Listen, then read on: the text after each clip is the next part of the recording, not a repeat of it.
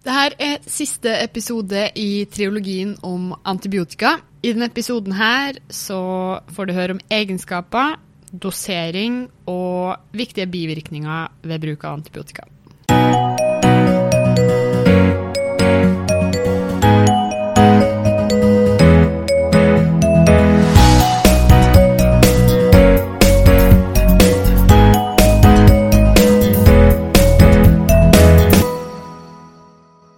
Vært litt inne på ulike egenskaper her, da, med gram positiv, negativ gått gjennom. Du nevnte også anarob, aerob. Og hvorfor er det viktig å kunne om det her? Nei, fordi at når dere er ute som klinikere, så eh, får dere inn en pasient med en mistenkt infeksjon. Og da har dere gjort en god klinisk undersøkelse, og veldig ofte så har man jo en viss idé om hvor den infeksjonen sitter, og da bør man også ha en viss idé om hvilke bakterier som er viktigst. Og da må man huske litt på gram positiv, gram negativ i forhold til hvilket empirisk behandlingsvalg man skal ta. Rett og slett, eh, Så hvis man mistenker en klassisk lungebetennelse, så er det liksom pneumokokkene som gjelder, og da kan man fint bruke penicillin. Men er det kanskje en sånn langvarig tørrhost og man tenker atypisk pneumoni, ja da funker jo ikke penicillin like godt. Eller hvis det er en urinveisinfeksjon eller mistenkt øvre urinveisinfeksjon hvor det er E. coli som helt klart er, er viktigste agens. Så, så, så, det er veldig viktig i forhold til liksom å kunne velge riktig. Og når man har alle disse anbefalingene i, i, og veilederne eller retningslinjene, som jo er kjempeviktig å alltid på en måte følge, så er jo det nettopp basert på de og da er det igjen da, gram negativ, gram positiv som er hovedgruppen. Mm. Mm. Vi har jo også vært inne på penicillin, som virker veldig smalt, og, og, andre som virker veldig bredt. Er det noe du tenker er viktig i forhold til det? Ja, Hovedregelen er jo tenk så smalt som mulig, alltid. Og da gjelder det både hvis klinikken ikke er veldig alvorlig, ja da kan man ta, ta sjansen på en måte å velge det smaleste, selv om man ikke vet hva det er for noe. Eller hvis man mistenker et agens, at man da, hvis man tror det er en vanlig ørebetennelse hos et barn, hvor pneumokokker er vanligst, eller en lungebetennelse, ja, da trenger du ikke å gi amoxicillin, da bør du gi penicillin. Akkurat når det gjelder barn, så har man noen begrensninger, bl.a. vond smak. Så akkurat for penicillin så er det faktisk et, et problem, da. Så da kan det hende man må, må velge litt bredere bare pga. smak. Og Grunnen til det er jo selvfølgelig at jo bredere du har, jo mer av normalfloraen som vi trenger, blir slått ut. Ikke sant? For vi har jo ikke vi har veldig få midler som bare går på én en eneste mikrobe, så du vil alltid slå ut en del eh, naboer i tillegg. Så derfor er det jo liksom um, Tenk så smalt som mulig.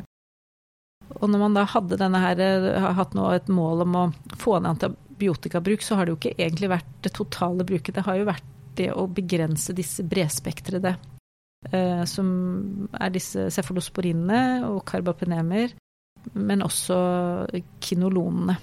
Og det er kanskje et av de mest resistensdrivende vi har, sånn at mm. man eh, bruker alternativer. Mm. Du var også litt innom det med arob og anarob virkning, og bare sånn Arobe bakterier er vel de som tåler luft og kan vokse der det er oksygen til stede, mens anarobe ikke vokser så bra. da. Mm. Eh, med oksygen til stede, er det noen av de her antibiotikaene som virker bedre på anarobe bakterier? Du var kanskje litt inne på det? Ja, og det, og det, er det. og Jeg pleier vel å ha med en sånn oversikt også. og det, det, er særlig hvis man mistenker infeksjoner hvor anarobe kan være til stede. Det er kanskje det som er viktigst å ha i mente. da.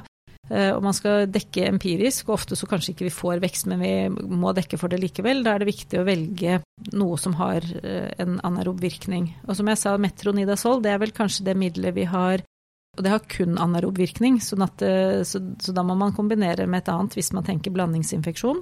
Men ellers så er det f.eks. penicillin har egentlig en ganske god anaerob virkning. Det må man huske på. Tannlegene bruker det jo mye nettopp pga. det. Men den er litt smal, så det er en del av de kanskje gram-negative anaerobene som ikke tas av det. Cefalosporiner har i utgangspunktet ikke anaerobvirkning, så da hvis man har en sånn alvorlig infeksjon og bruker cefalosporin, så må man legge til metronidazol. Og så har man f.eks. piprasilin tasobactam, som er veldig bredt å ha anaerobvirkning, og meropenem, altså karbapenemer.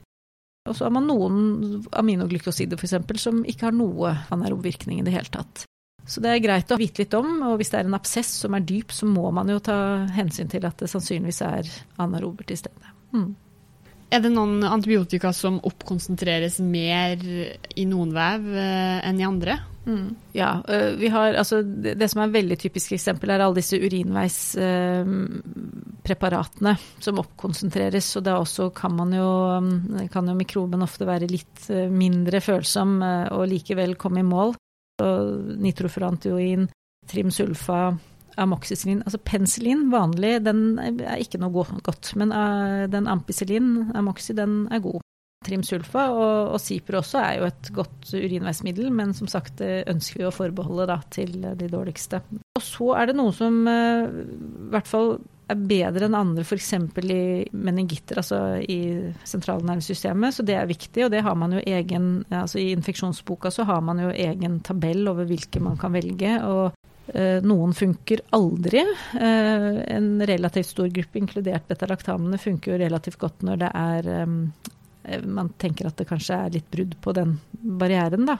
Eh, og så er det noen som kanskje alltid funker ganske bra, sånn som linesolid. Men eh, det er jo litt sånn spesialstoff. Men det er viktig. Men det er i hvert fall noen som aldri skal brukes.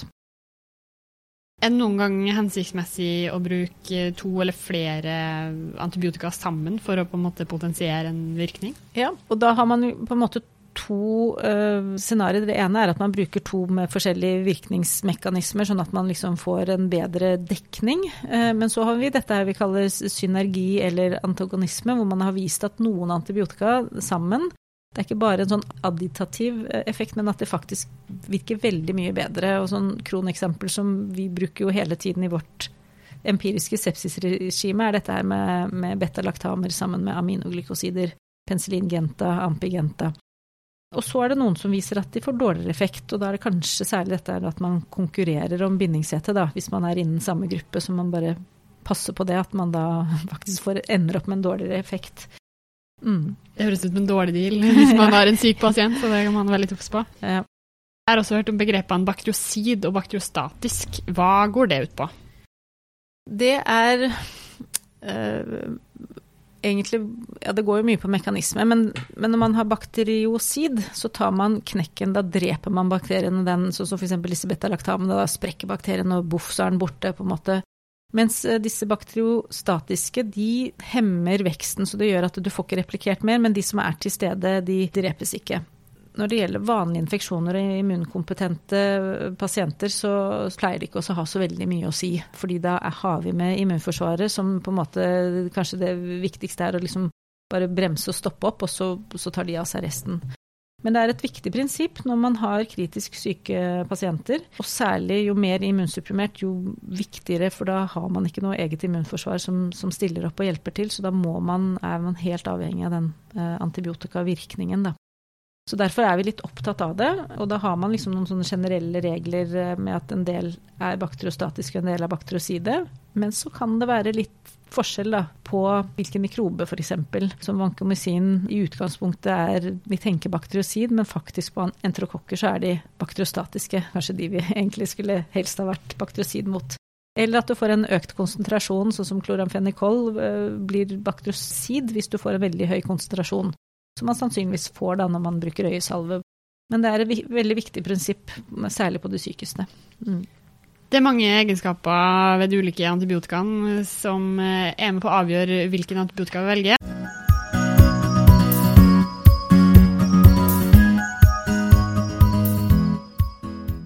Vi går litt videre til dosering.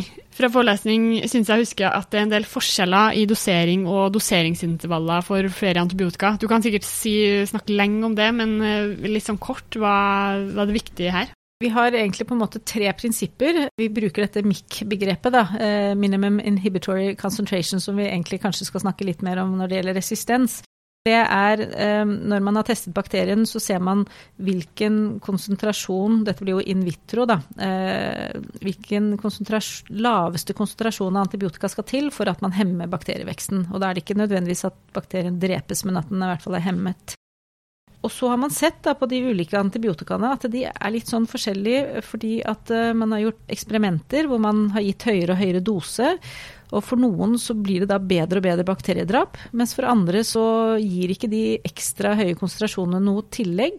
Men det man har sett for de medikamentene, så er det kanskje mer tiden du ligger over den MIK-verdien, den minste verdien, som har mye større betydning. Og så har du en ganske stor mellomgruppe hvor det egentlig er totaleksponeringen da, som er det viktige. Sånn at vi har liksom det vi kaller tid over mikk, og så har vi AUC, det er kurven, hele kurven og totaleksponering over mikk. Og så har vi den vi kaller C-max over mikk, hvor egentlig jo høyere konsentrasjon, jo bedre bakteriedrap. Og den siste, det er jo typisk aminoglykosidene, hvor vi nå doserer én ganger i døgnet, og du får en høy konsentrasjon, og hvor man faktisk også får mindre bivirkninger. Og ciprofloxacin, som også er konsentrasjonsavhengig, der er det mer totaleksponeringen, så den havner i den mellomgruppen. Og så tid over mikk, det er typisk disse betalaktamene, hvor man da må passe på å dosere ofte. Det som er veldig fint, da, er at i det nyeste tidsskriftet publisert nå i slutten av um, september, så er det en veldig fin oversikt som er skrevet av Martin Steinbach, han er mikrobiolog, sammen med uh, to veldig erfarne farmasøyter. Og Martin er jo en sånn nestor, egentlig, og den uh, anbefaler jeg å lese. Um, fordi at da får man, og den er på norsk, og den er jo beregnet liksom litt sånn allmenn. Mm. Så um, det, vi legger ved den lenken også. Ja, den skal vi legge med. Til slutt skal vi snakke litt om de viktigste bivirkningene av antibiotika. Hva er den aller vanligste bivirkninga som rammer de fleste, uansett hvilket antibiotika som brukes? Ja, altså Sånne gastrointestinaler, hvor man kanskje får litt vondt i magen, litt kvalm, litt sånn, det er sånn som går over hele linja. Det er ikke noe farlig, men det kan jo fortsatt være en begrensende faktor. Så det er jo veldig viktig, eh, hvis det er en kur som faktisk er viktig å gjennomføre, at pasienten da sier ifra sånn at man kan gi noe alternativt og prøve noe men det er også viktig å si at dette er helt vanlig. Det er så stor forskjell. Noen tåler liksom alt, og andre mm, skal det veldig lite til før det er et eller annet. Ja, for det er fordi normalfloraen i tarmen òg drepes av antibiotika? Ja, det er en av grunnene til. Det er sikkert andre ting også, da, men det er helt klart at uh, helt kjente, og særlig noen antibiotika, vet vi tar mye mer um, Og de må man faktisk være litt forsiktig med. F.eks. For klindamycin er kanskje en av de som har vist f.eks. dette oppvekst av clostridium difficile og det kan jo potensielt gi en veldig alvorlig infeksjon. Så hvis man kan velge et annet, så gjør man jo ofte det, da. Eller overvekst av at man får um, vaginitt hos kvinner, f.eks. at soppen herjer. Selv om det ikke er noe farlig, så er det jo ganske ubehagelig, da. Det er helt vanlige bivirkninger. Og det tenker jeg at man må vite litt om sånn generelt. Men så er det jo noen potensielt alvorlige bivirkninger. Og det også vil jeg si at nesten alle medikamenter uansett vil jo alltid ha noen som er svært sjelden, men det har skjedd. Mm. Men det er ikke de vi kanskje skal gå rundt oss og huske på, men de som ikke helt sjelden gir alvorlige bivirkninger, de må man ha i mente. Ja, mm. Kan du si litt om, om dette? Det er liksom noen som man alltid er veldig obs på. Og som jeg sa, så er det faktisk en del proteinsyntesehemmere som kanskje oftere gir da bivirkninger eh, fordi at de kan ligne litt mer på våre, i hvert fall disse som er i mitokondriene, disse ribosomene. Men um, dette med nyresvikt, nefrotoksisitet, det er man alltid veldig oppmerksom på. Og det er klart at der er aminoglykosidene eh, høyt oppe, Eh, det er heldigvis ofte reversibelt, eh, og det har vært mye diskusjoner sant, i særlig intensivmiljøet at man skal man i eller ikke, men jeg tror det er ganske mange studier som viser i hvert fall den første dosen, og det har litt med, som jeg sa, dette med å ta kjapt. Det har veldig bakteriosid virkning, og du får en høy dose, sånn at hvis du har en f.eks. E. coli-sepsis, så liksom får man knekken på mange, så er det Man har tenkt at hvert fall at man kan bruke det, men ikke langvarig, ikke sant. At man da tenker at man skal bruke det i, i noen dager. Og så er det glykopeptider, vankomycin, og der også er ikke rent sjeldent, for dette er jo ganske syke pasienter, eh, hvor man enten må dosere helt annerledes, eller eh, det er en begrensende faktor, da. Og så kan det være vanskelig å holde konsentrasjonen, så dette er typisk Begge disse to bruker man konsentrasjonsmålinger, både i forhold til virkning, særlig vankomycin, og også til at det ikke skal bli toksisk.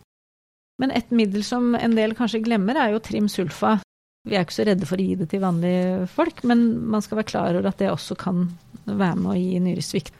Og så er det en veldig alvorlig, og det er en begrensende bivirkning for aminoglykosider, det er dette med ototoksisitet, eh, å kunne bli døv. Sånn at i hvert fall i denne tuberkulosebehandlingen av disse veldig alvorlige eh, Da må man gjøre hørselsundersøkelser, faktisk. Og den er jo ofte irreversibel, så den er litt kjip.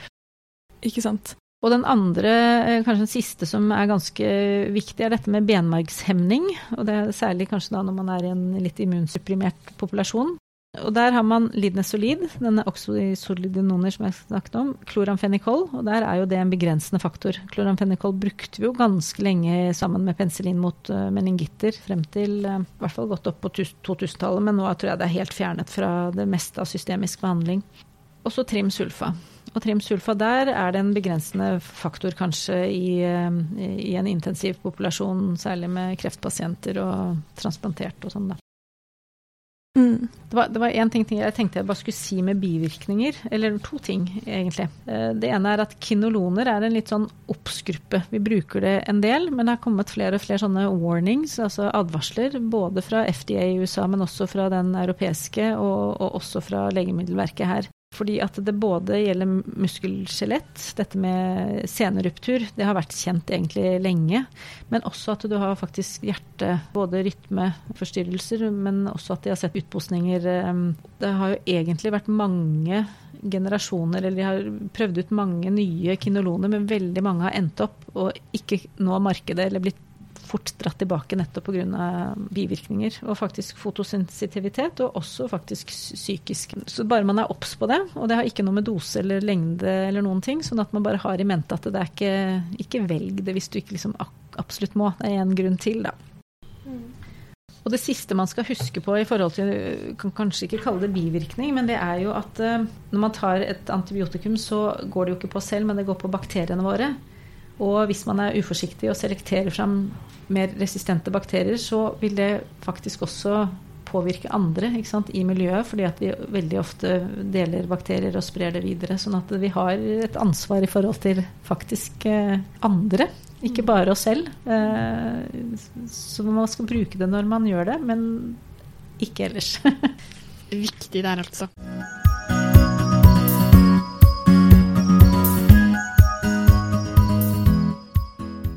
Helt til slutt så må vi bare innom eh, allergi mot eh, penicillinet. For min erfaring er at mange sier de er allergiske mot antibiotika, og særlig da penicillinet. Men er det egentlig sant? Ja, nå vil jeg først si da at jeg er jo ikke allergispesialist. Det er innmari mange som går rundt og har dette stempelet. Eh, og har man en alvorlig penicillinallergi, selvfølgelig så er det veldig alvorlig. Men uh, de sier vel når man har gjort liksom studier og sånn, at sannsynligvis så er kanskje 95% av de som har fått et stempel av penicillinallergi, har ikke allergi. Så det er ekstremt få som faktisk har det. Og så har du litt ulike typer, så det er den her straksallergien som kan gi liksom sånn akutt angiodem og, og pustestopp og anafylaksi. Det er jo den vi er redde for, og det er jo derfor man er så forsiktig. Og har man hatt en sånn type reaksjon før, selvfølgelig da skal du være vekk fra penicilliner i, i evig tid. Men så har man jo litt andre typer mer sånn senreaksjoner. Og så er det dette her med utslett. Jeg må jo si utslett generelt er jo et vanskelig tema, det tror jeg for alle. Absolutt. Uh, ja, skulle gjerne hatt en sånn hudlege i baklomma stort sett hele tiden. Altså, det som man må huske på, er jo ofte får man jo uh, penicillin i forbindelse med en luftveisinfeksjon. Og særlig kanskje hos barn, det er da man får stempelet. Og det er veldig ofte virale infeksjoner, og det er kanskje den virusinfeksjonen i seg selv som har gitt det utslettet.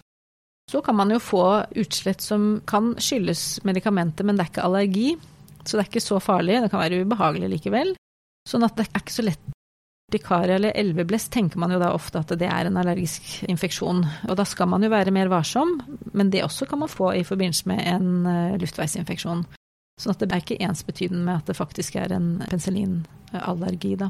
Og hvis man har penicillinallergi altså Det som er veldig dumt med å ha det stempelet, er at det utelukker ofte den beste og mest smalspektrede behandlingen. Og selv om det ikke er så vanlig med kryssreaksjon til cefalosporiner, så vil jo mange være litt? Hvis man først har en reaksjon, så vil man være litt hvert fall passe på, da. Og da skal man i hvert fall være et sted hvor du har erfarne leger. Og jeg selv hadde jo da eh, penicillinallergi ifølge min mor i alle år, og hadde nok utslett i forbindelse med Jeg hadde både residiverende urinveisinfeksjoner og otitter. Så ble jeg jo litt lei av dette her, så da jeg var på barneavdelingen så tenkte jeg nå skal jeg bare se om jeg kan kvitte meg med det. Så tok jeg en blodprøve med sånn IGG-test som er, man kan ta. Eh, jeg tror særlig hvis den er positiv så er den god, den utelukker ikke. Og så satte jeg meg i akuttmottaket der og fikk noen doser penicillin i økende doser, og det gikk kjempefint. Så da ble jeg kvitt det. Men så var jeg gravid og hadde urinveisinfeksjon og fikk amoxicillin. Og etter et par dager så så jeg jo ut som en eneste prikk. og det er en sånn kjent reaksjon som ikke er allergi. Ikke sant? Det er jo sånn jeg Ikke noe behagelig, men jeg var ikke noe redd. Men det tipper jo jeg at jeg hadde som barn også. Fikk amoxicillin og fikk et utslett, og så tolket man det da som allergi. Ja, ikke sant. Det er ikke alt som er allergi, selv om man får Nei. en reaksjon på det. Eh, Men et standard anamnesespørsmål fra alle helsearbeidere er jo om pasienten har hatt noe allergi for medisiner. Og så er det jo viktig å spørre akkurat hvilken reaksjon de fikk. Hvis pasienten svarer at de er allergiske, men ikke husker hvilken reaksjon de fikk sist de brukte det, hva gjør man da? Anamnese er utrolig viktig. For det første så kan man jo høre i hvilken forbindelse man fikk det. Var det en, liksom, var det en luftveisinfeksjon, var det en urinveisinfeksjon? Og så er det nettopp hva slags reaksjon fikk du. Og hvis de ikke helt husker, så da skal man i hvert fall tenke at det var nok ikke sånn kjempealvorlig, fordi at de som får alvorlige eh, reaksjoner, de vil helt sikkert huske det, da. Veldig mange sier penicillin og antibiotika om hverandre. ehm, Så da må man jo tenke litt på hva er vanligst å gi i allmennpraksis. Så veldig ofte vil det nok være et penicillinpreparat, vil jeg tro. Men det er klart at er det en sånn uoversiktlig situasjon, så vil man nok la være å gi penicillin hvis de har fått beskjed eller tror at de har det, men da er det kanskje viktig at de følges opp f.eks. fra fastlege og prøver å bli kvitt den diagnosen på en måte, da. Eh, vi kan vel konkludere da med at de fleste bivirkningene er fysiologiske, egentlig ikke allergier, men at det er viktig å huske på de alvorligste. Og det er alltid kjempeviktig å ta en grundig anamnese og spurt om pasienten har reagert på noen antibiotika tidligere, og ikke minst hvilken reaksjon de fikk. Ja.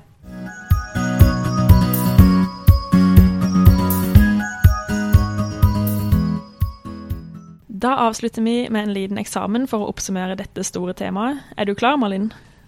Ja, liten og liten eksamen. I dag tror jeg vi har lært så mye at vi må ta det litt sammen, men jeg kan begynne. Det jeg har lært om antibiotika i dag, er bl.a. det at antibiotika er antibakterielle midler, som enten er bakteriostatisk eller bakteriosid. For å kunne brukes som legemiddel må et antibiotikum ha en kraftig virkning på bakterien og minst mulig skadevirkning på pasienten, altså lav toksisitet. Vi har vært innom bakterier, småcella organismer. Det betyr at de selv er utstyrt med alt de trenger for å kunne formere seg og bli til flere, i motsetning til virus. Praktisk i forbindelse med antibiotika gjør vi det enkelt å dele bakterier i to. Gram-positive og gram-negative. I hovedsak. Det var noen som vi husker, et unntak, men noen som ikke ble farga. Gram-positive og gram-negative de har begge cellemembran, men gram-positive har en tykk cellevegg som er laga av peptidoglykana. Gram-negative har kun en tynn cellevegg og så en yttermembran utenpå. Antibiotika har jo fem virkningsmekanismer, eller angrepspunkter, hos bakteriene, Cecilie. Vil du ta oss gjennom de? Ja. Nummer én er jo at eh, de kan hemme celleveggsyntesen, og det er gunstig fordi våre celler ikke har cellevegg, og disse vil derfor ikke skade våre celler. Og Eksempel her er da betalaktame, hvor vi har penicillin, og glykopeptide med vancomycin. Nummer to var å hemme cellemembranen, og de var lite brukt i Norge, og hvis de brukes, så er det på sykehus. Nummer tre hemme proteinsyntesen, og det er gunstig fordi disse virker på andre ribosomsubenheter enn det vi sjøl har. For Eksempel her var makrolide, aminoglykoside og tetrasykline. Nummer fire var å hemme folatsyntesen. Vi mennesker spiser folatholdige næringsmidler, men bakteriene må produsere de sjøl. Og her hadde vi sulfonamide og trimetoprim. Til slutt så var det å skade DNA og RNA ved å hemme topoisomerasene og andre enzymer som er viktige for DNA- og RNA-syntesen. F.eks. nitrofurantion, rifampisin mot tuberkulose, kinolone og metronidazol. Og så har jo ulike antibiotika ulike egenskaper for å ta knekken på de ulike bakteriene, og da snakker vi om gram-positiv vs gram-negativ, smalspektra versus spredspektra, aerob vs anaerob, og at forskjellige antibiotika oppkonsentreres i ulike vev, hvor vi snakker om interstitielt versus intracellulært, og vevsdistribusjon. At uh, urinveisinfeksjonene så ønsker man å bruke antibiotika som oppkonsentreres i urinen, eller at de passerer blod-hjernebarrieren ved hjernehinnebetennelse. Vi snakka jo om synergi versus antagonisme, ved at f.eks. aminoglykoside og betalaktame er synergistiske. Dvs. Si at de får en enda større effekt når de brukes sammen enn kun addisjonen av disse her. Men noen virker òg dårligere sammen, og det vil man helst unngå. Bivirkninger er svært vanlig. Stort sett de aller fleste får det ved bruk av antibiotika. Det er viktig å skille bivirkninger fra allergi. Grunnen til bivirkningene er jo det at antibiotika angriper også de gode bakteriene som man normalt har i kroppen. Spesielt utsatt er GI-traktus. og Man kan få typisk diaré, magesmerter osv. Bivirkninger er ikke det samme som allergi, som sagt. Det er det viktig å huske på, og vi ønsker alltid å starte opp så smalspektra som mulig for å redusere resistensutviklinga. Og det er ikke så mange som er allergiske mot penicillin som de sier, så ta en grundig anamnes. Noen spesielle antibiotika har helt særegne bivirkninger, og de er det viktig å kjenne til. F.eks. syns jeg det er verdt å nevne Genta, som kan gi reversibel nyreskade. Så her sjekker man eh, kreatinin, eller GFR. Og det kan også gi en irreversibel ototoksitet. Ja, da var vi igjennom. Eh, tusen takk til deg, Karianne, for alt du har lært oss om antibiotika. Og du kommer jo tilbake igjen og snakker mer om antibiotikaresistens. Dersom du som hører på har spørsmål til Karianne eller oss, eller har noen tilbakemeldinger, så er det bare å sende en mail til farmapodden alfakrøllgmail.com. Vi finnes òg på Facebook og Instagram. Takk for at du hørte på. Ha det! Ha det!